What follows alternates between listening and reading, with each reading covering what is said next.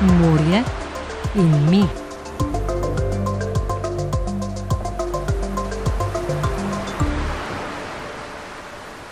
Ta otoček je zdaj čisto v redu, jaz upam, da so vsi zadovoljni z njim. Zdaj ali bo gor koza ali kozu ali karkoli, je pravzaprav čisto vseeno. Ne, jaz mislim, da je to, da je to nekaj, kar, kar tudi mora iti, tako kot tisti pomoli v žusterni in tako dalje, mora iti pač na smetišče, konc.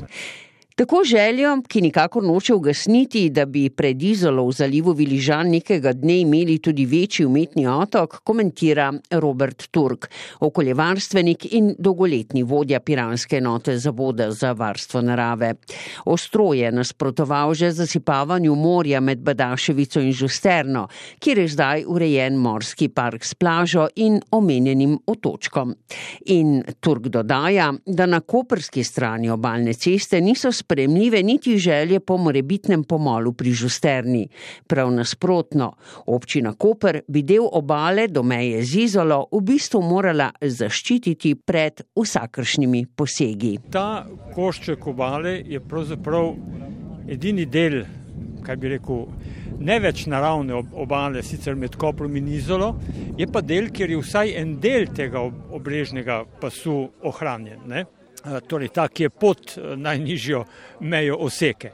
Tako da, če to, skratka, če to urejanje, ne, kot se temu lepo reče, v bistvu gre pa za urbanizacijo, za osvetljevanje, za ne vem kaj še vse, ne, je seveda obstaja nevarnost, da, da bomo tudi to zgubili, kar je po moje nespremljivo za občino Koper, recimo ker je to sploh edino, kar ima še, ne, ker vse drugo je pač pozidano, se mi zdi res del prostora občinskega, ki bi ga morali, bom rekel, skoraj z občinskim odlokom zavarovati, tudi če noben drugi noče tega narediti. Ne. Tako pa so še vedno v predaljih načrti za žusterno, ne, za tisti pomol, za ne vem kaj še vse. Mislim, to preprosto ne gre skozi, ne tak poseg, kot je recimo tisti pomol pri žusterni. To pomeni, da bo verjetno tudi proti izoli pač vse skupaj zamuljeno in počasi uh, propadlo oziroma uh, ja, se uničilo. Ne. Ko posežeš v morje, pač dvigneš seveda v smul, vse to, to se vse pač poseda. Se pravi, kot da bi imeli vrt pri kamnolomu Črnotiče. Dvomim, da bi jedli tisto solato. Še pred štirimi leti smo poslušali zaveze obeh lokalnih oblasti, da bo obala med Koprom in Izolo zelena, nedotaknjena oaza in da bosta občini za njeno urejanje pripravili skupen prostorski načrt. Zdaj pa vse kaže, da se nameravata te edinstveni priložnosti odpovedati. To je tudi moja informacija, ne, da vsaj ne slišim več ničesar o tem tako imenovanem regionalnem prostorskem načrtu. Ne. Tako da jaz mislim, da absolutno, absolutno je potrebno načrtovati skupaj. Gre za enoten prostor, gre za prostor, kjer je vpliv posega kjerkoli na tem prostoru doseže pač celoten prostor. Ne? In ne na zadnje, mi moramo vedeti, od Žusterne, oziroma ja, od Žusterne ali od Muleta no, do meje z Izolo imamo uh, ta travnik Pozejdonke, no, en, en otoček je tudi v Izoli še, ne? ki je Natura 2000, ki je naravna vrednota, skratka, ki je območje, ki bi ga nujno bilo potrebno tudi zavarovati, dejansko, s pravnim aktom. Ne? Tako da tudi z tega čisto formalnega vidika je pravzaprav tam težko priti do ne vem kakšnih uh, posegov. Ne? Ampak kot rečeno, ne gre samo za to. Tle je pač 50 metrov širok pas obalnega pasu, ki ga še imamo pod vodo. To to. Samo tako torej, da v morje ne bomo posegali, bomo med Rudo in Žusterno ohranili visoko pestrost morskega življenja. Tu imamo kilometr dolg travnik po Zajdonke, kot smo slišali, a so enako pomembni tudi gozdičke rjave alge, nam je pojasnila Martina Orlando Bonaca z morske biološke postaje NIP. Ampak okoli travnika po Zajdonke na sedimentnem dnu uspeva tudi prav tako pomemben travnik kolenčaste cimodoce in ne na zadnje imamo tukaj kar nekaj skalnatih biotopov, kjer pa uspevajo zelo pomembni gozdički rjavih alg.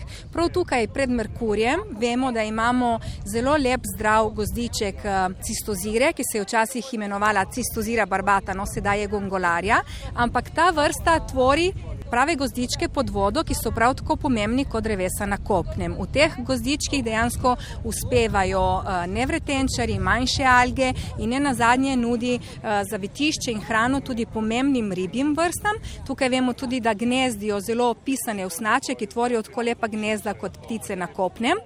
In ta gozdiček cistozire tukaj pred Merkurjem je za nas še toliko bolj pomemben, ker je naše donorsko območje ker se zadnje leta dejansko ukvarjamo z obnovitvenimi ukrepi za gozdičke cistozir, ki uh, dejansko so podvržene regresiji v celotnem sredozemskem morju in nažalost slovensko morje tukaj ni izjema. Tako da smo začeli z obnovitvenimi ukrepi, to pomeni, da v kontroliranem okolju gojimo male cistozire in jim vračamo v morje.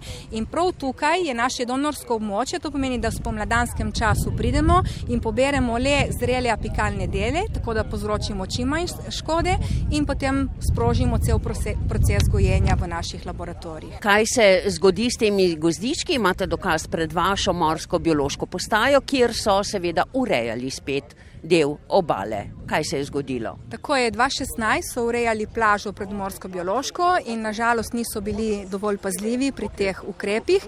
In ta visoka resuspenzija sedimenta, ki se je zgodila, nam je popolnoma uničila goziček cistozire in prav tako travnik kolenčasti cimodoce. To so habitati, ki se sami po sebi ne bojo obnovili. Torej tukaj smo zdaj na vrsti mi, da poskusimo z našimi ukrepi, da povrnemo stanje, kot je bilo pred tem posebej obsegom. Kopenski del med Žusterno in Rudo je že zdaj povsem zadostno urejen ali urbaniziran.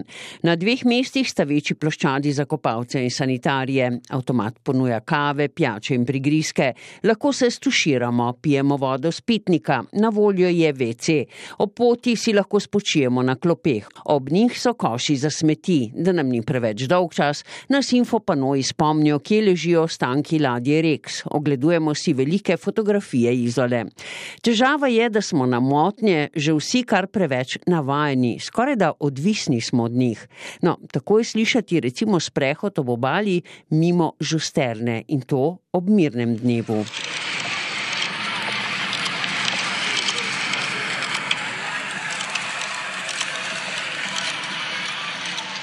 Tako pa je na delu, kjer motnje urbanizirane krajine že preglasi morje. Tina Trampuš Zavoda za varstvo narave pa mi je povedala, zakaj je tako pomembno, da morje na tem delu obale ostane osrednji del našega doživljanja, naš stik z naravo. Pristna narava nas lahko zelo napolni z energijo, nam povrne mir, nam povrne tudi voljo do življenja in optimizem. In to je tisto, kar vsi nekako iščemo v teh kaotičnih časih. Ampak tako smo že se odtujili od tega in pozabili na to, da mislimo, da rabimo vse te pripomočke, glasbo, telefone. Prepričani smo, da nam bo to pomagalo, da bomo uh, osmislili svoje življenje. V resnici pa polnemo svoje življenje z nekimi motnjami, da ne moremo doživeti več tega trenutka, ne znamo se ustaviti. Včasih se tudi bojimo ustaviti, ne? ali se bojimo biti v tišini. Uh, tako da potem tudi nekako avtomatsko uh, želimo, da se prostor ureja na tak način, da bodo vse te motnje prisotne. Ne?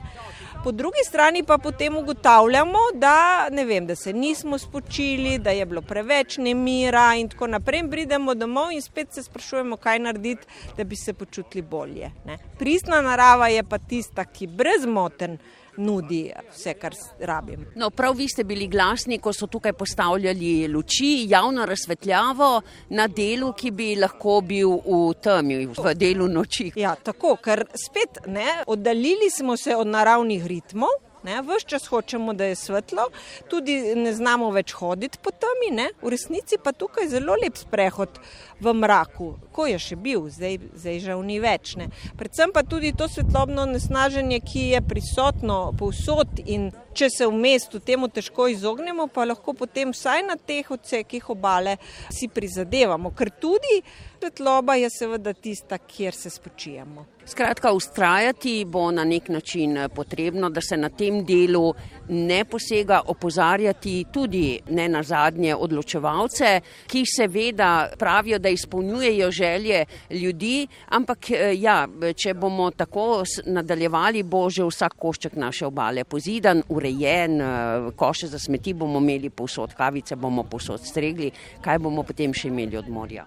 Ja, jaz mislim, da moramo biti zelo previdni, eh, lahko se ureja, ampak res minimalistično, premisliti, kje je ja, kje ne. Vemo, da v naravi, tudi druge, na kopnem, se včasih tudi košo za smeti ne namešča, zato da se ljudje navadijo, da odnesejo v smetjake na začetku poti. Ne? In to tudi na obali lahko uvajamo. Ne? Predvsem pa te razlike med urbanim prostorom, kjer je vsa ta ponudba, glasba, kavice in to na voljo, in pa nekim drugim, kjer je poudarek na pristni naravi in praznini in te odprtosti prostora, ki nam v bistvu tudi neko svobodo omogoča.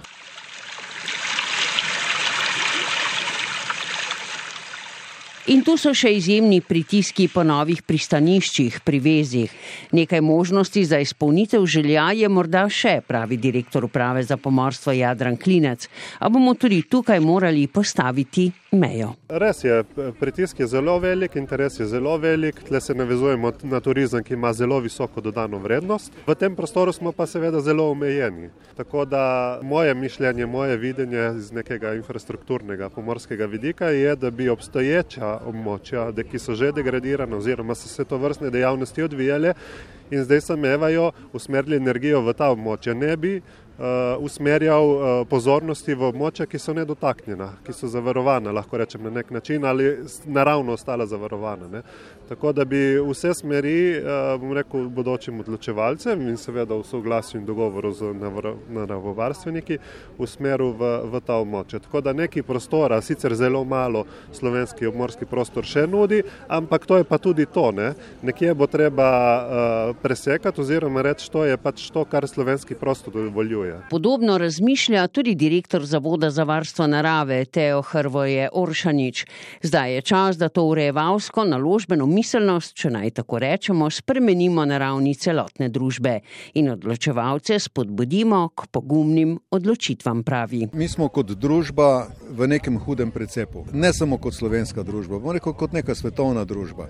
Na eni strani revščina, na drugi strani bogatstvo. Zdaj, bogati se bogatstvu ne bodo odrekli, se pravi, moramo revščino spraviti na višji nivo, kar brez poseganja v naravno okolje ne bo šlo.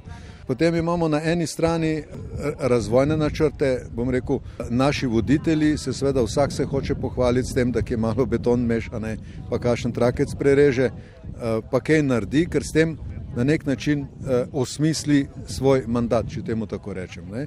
Mi dejansko v bodočnosti potrebujemo voditelji, ki bodo rekli, ohranili smo stanje in celo izboljšali smo naravno stanje in na, na ta način pridobivati glasove na volitvah. Se pravi, en miselni preskop, kot družba potrebujemo in potem nam bo vsem lažje. Več bo stika z naravo, bolj pestro bo naravno okolje. Ne bomo se bali, ali bodo recimo opraševalci preživeli kakšno sezono ali ne bodo, ker jih bo dovolj in bo tudi hrane dovolj zaradi tega. Skratka, rabimo en miselni preskok kot družba. Podobno kot drugot po svetu, se torej tudi pri nas ne moremo pohvaliti s tem, da znamo sobivati z morjem. Morja so izjemno obremenjena, vse posod po svetu, od transportnih poti, se pravi zaradi gospodarstva, pomembnih povezav, do turistične rekreativne rabe kar je seveda vse zelo pomembno, ampak vse, vse rabi nek svoj prostor in neke svoje ureditve, ker pač to tako razumemo. Divja plaža za nas več ni plaža, mora biti pesek. Ne? In s tem pač v prostoru počnemo, s tem razvajanjem na nek način, odmikamo ljudi od, od neke sonaravnosti, od nekega dojemanja pravega naravnega prostora in s tem tudi neposredno in pa tudi posredno uničujemo našo naravo. Zdaj, pomembno je, da s tem početjem pač ne moramo iti v nedogled. Namreč ekosistemi vse posod, ali so morski ali so kopenski, pač živijo in delujejo v nekem primernem okolju. Zato se tudi imenuje ekosistem, ker je to sistem, ker se ne moreš osredotočiti na varstvo ene vrste, pa zanemari druge vrste, ker ta vrsta brez sozvočja z ostalimi vrstami itak ne bo preživela. Tako da je treba gledati na našo naravo kot na sistem in je treba biti pri vseh posegih v naravo izjemno, izjemno previden, dobro premišljen, ker obstaja eno enostavno dejstvo, ki ga vsi vemo, pa tako ne radi se ga zavedamo in to je, da brez ohranjanja narave, brez ohranjanja naravne raznovrstnosti, nimamo bodočnosti, enostavno je nimamo, ne bomo preživeli. Škoda je, da se tega ne zavemo na vseh odločevalskih ravneh. Rabimo pogumne odločevalce, rabimo pogumen pristop in rabimo tudi pogumno odločitev, lejte, tale del bomo pustili naravi. Konec, zakaj ne? Kako bomo pa drugače naravo doživljali? Skozi zaprte poglede na morje, skozi kar naprej neke objekte, to, to več ni narava. In izgubljamo neko svojo prvobitnost, svoj stik z morjem, ki je izjemno pomemben. Še posebej zato, ker imamo obale zgolj 46 km. Nimamo je veliko, zato je vsak meter, vsak centimeter izjemno pomemben za našo državo. S to mislijo zaključujemo današnjo oddajo Morje in mi. Najdete jo tudi na podcastih RTV Slovenija. Slišimo se čez teden dni. Morje in mi.